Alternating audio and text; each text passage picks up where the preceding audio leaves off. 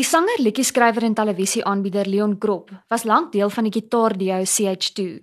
Sy debuutalbum as solo-kunstenaar is in 2017 uitgereik en in 2018 het hy by die Afrikaanse ontbytprogram Ontbytsake as aanbieder aangesluit.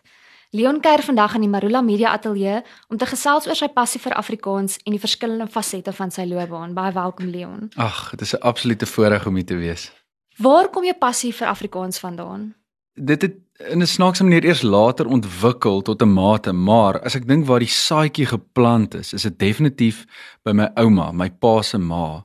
Sy was 'n Afrikaanse onderwyseres gewees en het altyd ons het vir mekaar briewe geskryf, vandat ek kan onthou. En hulle het nooit verskriklik ver van ons af gebly nie. Ons ek was my lewe lank in Pretoria en hulle was in Benoni of later in Bronkhorstspruit en later hulle laaste jare. My oupa leef trouens nog, maar het sy al laaste jare in in Silverton wat 10 km van my huis af is, maar sy het nog steeds vir my briewe geskryf. En ek onthou die kwinkslaaf wat sy sy trouens sy het vir my op 'n stadium met sy 'n uh, um so 3 A4 bladsye wat sy iemand seker laat uittik het want ek dink nie sy was baie vaardig op 'n rekenaar nie met kwinkslaaf wat haar ma gesê het. Alles in Afrikaans, alles eg, alles so dit het met alles so 'n bietjie van 'n komiese ding en sy dit goedjies wat wat sy wat haar ma gesê het wat sy neergeskryf het deur die jare. So sulke goed wat ek onthou. So my ouma was van kleins af, sy was die tannie wat die Afrikaans gepraat het. Baie fancy vrou, maar warm en gemoedelik. En ek dink dis waar my liefde daarvoor begin het. Alhoewel dit so eintlik so 'n bietjie later het ek nou oor my koelheid gekom en dit begin bietjie gebruik en en toe begin lief raak daarvoor. Wat sal jy altyd bybly van die kwinkslaaf wat sy met jou gedeel het? Is daar 'n slagspreuk of 'n woord wat jy altyd sal onthou? Kyk, jy moet ek moet net vir die luisteraars verduidelik, my brein is tans bietjie so seker net 'n bietjie daaroor praat oor die kinders en dis meer, maar my brein is bietjie gevries as gevolg van 'n nuwe toevoeging tot ons gesin. Daar was sulke klomp oulike goedjies en vir die lewe vir my kan ek nie nou aan een dink nie. Maar een ding wat ek wel kan onthou is dat sy baie keer sommer goed aangehaal het van 'n van Wyk Lou of van 'n yskriege of wat sy baie keer sou doen is sy was baie lief vir kuns en uh, arts and crafts so waar's die brein?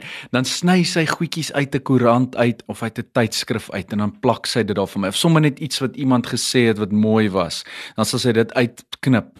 Jy weet dan plak sy dit in my brief plak sy dit daar vir my. So dit was so spesiaal geweest en daai tipe goed is wat 'n ou bybly Ja, en vandag is dit maklik om 'n skermskoot te neem ja. van iets wat jy op sosiale media raak lees. Ek dink dit is iets wat vandag meer deel van ons verwysingsraamwerk is nie. Absoluut. Ek dink die blote feit dat daar 'n ontsettende klomp moeite moes ingaan in die manier hoe ons destyds gekommunikeer het en ek, ek dink daar's nog steeds waarde daarin om dit te doen en ek probeer dit so bietjie met my kinders ook doen. Skryf dan eerder ietsie neer want dit vat tyd. Dis nie net sommer 'n vinnige, okay, jy gaan nou vinnig gaan net 'n skermskoot vat en vir iemand stuur op 'n WhatsApp of wat ook al nie. Jy moet fisies gaan sit met 'n skerm en dit uitknip of jy moet fisies gaan sit en dit jou hand pyn want jy skryf. Jy weet so ek dink daar's regtig baie waarde daarin. Beslis. Ek wil later gesels oor jou rol as gesinsman, maar terwyl ons op die onderwerp is, wil ek ook graag by jou hoor, waarom is dit vir jou so belangrik om in Afrikaans te skep? Ek dink dit kom net so natuurlik vir my ek het op 'n stadium bietjie Engelse liedjies geskryf en so maar dis op hierdie stadium waar ek is en vir die laaste paar jaar was. Ek dink dit gaan vir my natuurlik oor die behoud van Afrikaans en as ons dit nie gaan besig nie gaan dit maar net agterweeg gelaat word, maar ek dink Afrikaans is op 'n gesonde plek myns insiens of ten minste in my, my lewe wêreld. Dit kom bloot natuurlik vir my. As ek nou gaan sit en skryf, is dit waarna ek skryf, dis dit waarna ek dink ek sien nie dat ek vinnig elders anders gaan in beweeg nie want daar's daar's soveel dinge dink ek wat daar's soveel mooi goed en wonderlike goed wat nog moet ontgin word in ons taal en dit kan bloot gebeur as skeppers skep en as skrywers skryf en as denkers dink in Afrikaans. Jy het op 'n ander manier geskep deur MP van Wyk Lou se gedigte te toonset vir Rooi Dag. Die album bestaan uit 'n paar verwerkings wat jy gekies het, maar wat ek wil jy wil weet is, hoe het jy die gedigte gekies wat verwerk is? Dit het letterlik eendag het ek by 'n vriend van my gekuier wat baie keer hy het sommer boeke in my hand gestop het wat ek moet lees. So hy is ook tipe van my biblioteek gewees. En hy die dag, ons het so op die diep spesifieke oggend, dis nou die lekker ding as jy vir jouself werk en vat jy oggende wat jy maar net vir jouself uitsit om te skep en filosofiese gesprekke te hê, dis wat ons doen. Hy stop toe net letterlik 'n bundel, die versamelde gedigte van van Wyk Lou in my hand. Hy het so goue omslag gehad. En ek het op daai stadium tot my spyt en tot my skaamte nie veel met van Wyk Lou te doen gehad nie. Ek natuurlik geweet van hom, want van wie my ouma, maar meestal en ons het snaaks genoeg nie van Wyk Lou se gedigte behandel op skool nie. Nie wat ek kan onthou nie. Nou ook bygesê ek voel ek was so 'n bietjie op 'n cool fase gewees as tiener, so ek het nie baie aandag gegee aan gedigte nie, alhoewel ek baie daarvan gehou het. En ek maak die boek maar net oop op 'n bladsy en ek onthou die eerste gedig was ons liefde is 'n uur se ydelheid en ek lees die gedig en dit raak my so dat ek hoor musiek. En dit was op 'n interessante fase vir my. Ek was net klaar met CH2 en CA2 soos die mense dit ken en ek was in 'n spasie waar ek moes begin uitvind en uitwerk hoe ek my die res van my loopbaan gaan aanpak tot 'n sekere mate.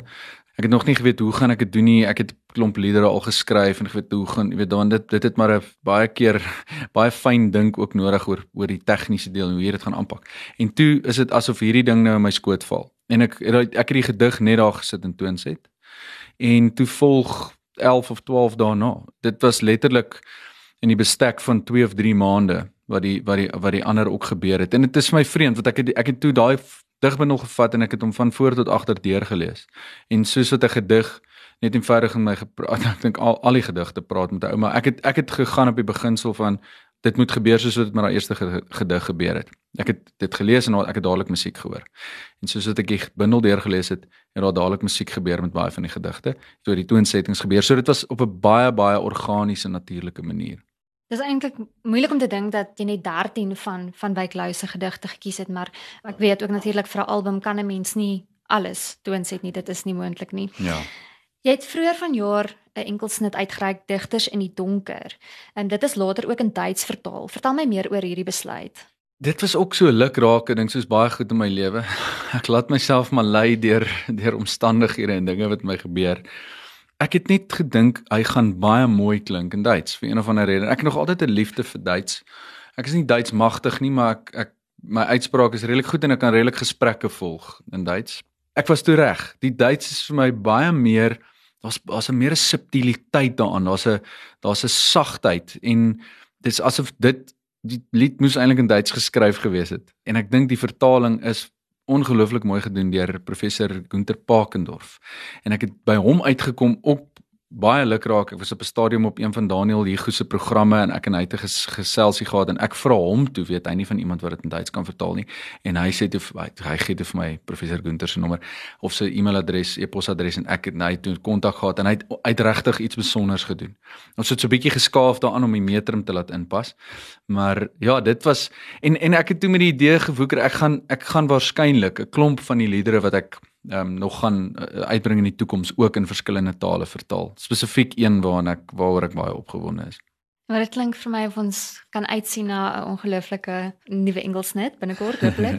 ja. Ehm um, so my volgende vraag is 'n uh, eh, bietjie weg van jou loopbaan af en dit is oor ehm um, jou gesinslewe en jou rol as gesinsman. Jy en jou vrou Martelies het onlangs 'n nuweling tot die gesin verwelkom. So vertel my bietjie oor daai nuwe fase. Wat ja, is, ja, nie regtig 'n nuwe fase nie, maar Dit is, dit is definitief nie. Dis elke keer nie. Ons het ons het nou 3 kinders. Dit is nou waar dit gaan stop ook.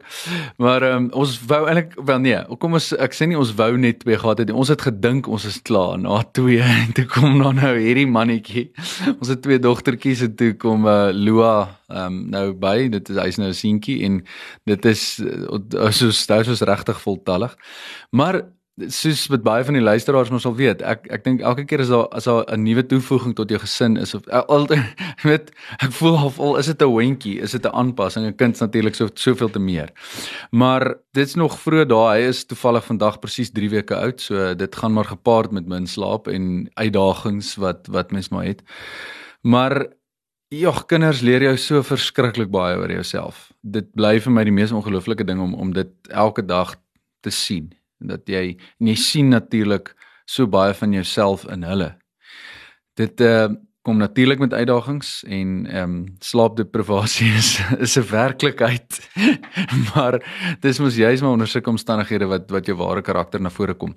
En dit is ook 'n dis 'n baie opwindende fase en dit ek daar is definitief iets. Ek was nie iemand wat altyd gedink het ek moet nou 'n seentjie hê nie en ek was trouens ek was baie gelukkig om net twee dogtertjies te hê. Dit was vir my heerlik geweest. So toe die manne sy opwagting maak, daar is tog iets anders en ek dink dit gebeur seker net maar in mense onderbewussyn, dalk in 'n man, dalk is dit 'n man ding, maar die feit dat dit 'n seentjie is, mens die voel so 'n bietjie anders daaroor. Ek is uiteraard baie baie gelukkig met hoe dit nou is. Ons um, ons ons spannetjie is nou is nou lekker vol. so aan die een kant het jy jou spannetjie wat jou besig hou en aan die ander kant het jy 'n loopbaan. So waarmee is jy op die oomblik besig en waarna kan aanhangers uitsien in die toekoms? Ek is besig met 'n verskriklike klomp goed. Hierdie jaar het ons almal natuurlik het sy uitdagings gehad. Ek ek voel as jy aan die einde van hierdie jaar kan kom en jy staan al is dit half wankelrig nog dat jy regtig goed gedoen. Ek klop myself op die skouer en sê okay, ons is deur hierdie jaar op een of ander manier en en met hulp van weet van vriende en familie en en om deur saam te staan. Ek is besig met buite in die musiek is ek besig met 'n klomp dinge wat wat ek beplan vir volgende jaar met bietjie meer in die Ag noem dit maar gesels rigting gaan die potgooi rigting. Ek beplan 'n potgooi.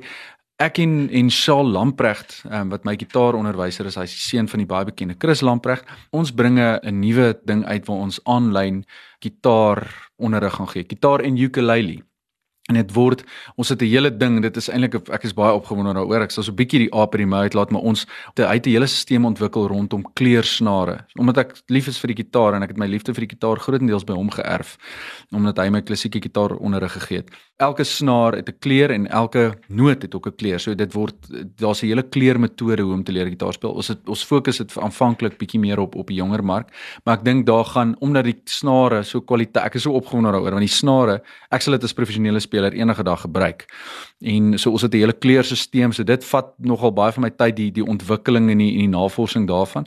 Ons hoop om dit so teen Februarie volgende jaar te in die wêreld in te stuur. En musiekgewys ehm um, is ek besig om ek sou sê tot dusver ek het al 'n redelike klomp liedere geskryf in my lewe, maar die lied wat ek volgende wat ek aan werk wat ons tans besig is om om op te neem, se naam is Wolke Dans hy behoort so ook vroeg volgende jaar die lig te sien tesame met 'n ander klomp enkelsnitte volgende jaar. En Wolkedans word ook in Frans vertaal vir 'n spesifieke baie spesifieke rede want dit gaan dis gebaseer op 'n op 'n boek deur Antoine de Saint-Exupéry wat so 'n bietjie van 'n autobiografie van hom is. En ek het die na ek die boek gelees het was ek baie geïnspireerd. Dit is natuurlik in Frans vertaal en vertaal deur Eyskriege en sy broer JG Kriege So die lied is gebaseer op is nie 'n toonsetting nie, dis my eie lied. Ek het maar net die boek gelees en was geïnspireer deur dit. En toe het ek 'n lied geskryf Wolke dans. Die boek se naam as jy dit ooit eers opspoor by 'n tweedehandse winkel, Pioniers van die Wolke. Dit is seker een van die mooiste boeke wat ooit geskryf is alhoewel dit 'n vertaling was. Dit is vir my waar die krag van ons taal lê. Dat ek kan dink dat dit ongelooflik mooi in die Frans moes wees, want ek kan nie Frans praat nie. Ek kan met Frans praat, maar ek kan nie Frans praat nie. So en dat die Kriegebroers dit so in Afrikaans kon weergee dat dit jou elke bladsy gee omtrent hoendervleis. So ja, daar's 'n rits goed en natuurlik klomp TV werk nog voor so mense is maar besig as jy vir jouself werk in 'n manier, maar daar's soveel soveel lekker dinge wat voor lê. Ek is baie opgewonde oor volgende jaar.